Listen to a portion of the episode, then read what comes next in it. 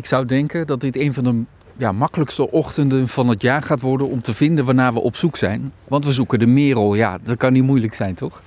Nee, dat is de talrijkste vogel van Nederland. Dus uh, ja, voor elke zeven Nederlanders heb je één merel zo'n beetje in de winter. Dus uh, er zitten er nogal wat. Ja. In de winter noem je erbij. Ja. Dus er is blijkbaar een verschil tussen wat er in de zomer is en wat er in de winter is qua aantal. Ja, we krijgen nog altijd wel vogels uit het noorden, uit uh, Scandinavië vooral, uh, naar hier. Om hier te overwinteren. Het is hier natuurlijk zacht weer vaak in de winter.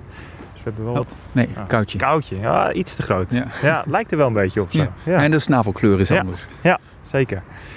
Dus uh, ja, heel talrijk beest, die merel. Algemeenste vogel in de winter. Ja. Ja. Dus zo zou je denken, en die- we zien dat beest allemaal dagelijks, denk ik. Niks bijzonders aan, maar toch is 2022 door jullie uitgeroepen als het jaar van de merel. Ja, klopt ja. Nou, we, we zien wel iets opmerkelijks. De laatste jaren is die merel behoorlijk aan het afnemen. In eh, steden en dorpen zien we dat. Eh, dat zien we natuurlijk in de, de tellingen die we door het hele land op allerlei plekken doen. Eh, maar ook in, in bosgebieden, vooral in het zuiden van Nederland. Deels heeft dat ermee te maken dat er een ziekte onder de merels geweest is. Dat is het Oesutu-virus. Dat is echt wel over zijn hoogtepunt heen. Maar eigenlijk zagen we daarvoor die afname al beginnen. Dat is natuurlijk opmerkelijk dat een heel talrijke algemene soort die jarenlang eigenlijk uh, stabiel is qua aantallen, dat die dan ineens gaat afnemen. Dus daar is kennelijk iets, uh, iets aan de hand. En uh, ja, dat is wel een reden om daar eens in te gaan duiken. Is er al een vermoeden naast dat virus dan wat er aan de hand is?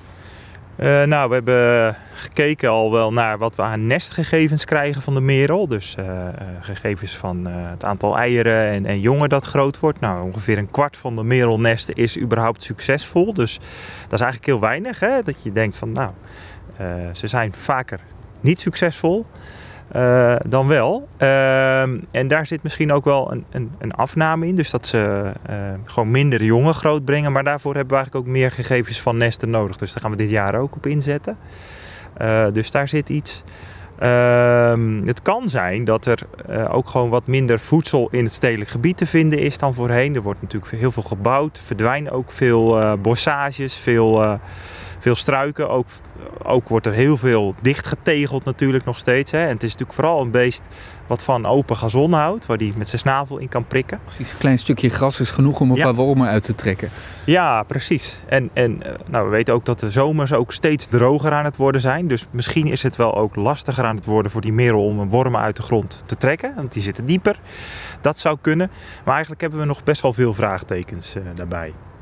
Vragen genoeg. Ja. Nou ja, we hebben ook nog even de tijd. Ik kan er in ieder geval een aantal stellen. En dan kijken we wel waar het antwoord al op gegeven kan worden. Of dat er dit jaar toch nog meer onderzoek voor nodig is.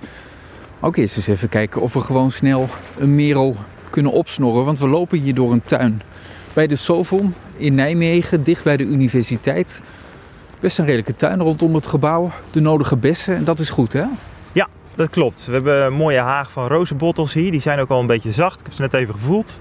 Zijn ze eetbaar? Nou, er zijn nog wel grote bessen voor de merel, maar goed. Ook uh, liguster staat er. Uh, we hebben een klimop met bessen. Uh, dus er zou hier wel, en gras natuurlijk, dus er zou hier wel eens een merel kunnen fourageren. Ik zie daar wat vliegen, maar dat is volgens mij een winterkoninkje. Die staat net op het tak gaan zitten. Daarboven een ekster. Ja, dat telt allemaal niet, hè? Dat is ook een ekster, als ik het goed zie. Ja. Lange staart, witte borst. Pimpelmeesje dat overvliegt. Maar ik hoor ook nog geen merel. Meestal hoor je wel zo'n zo zo schril geluidje ergens uit de struiken. Als je in de buurt komt. Maar uh,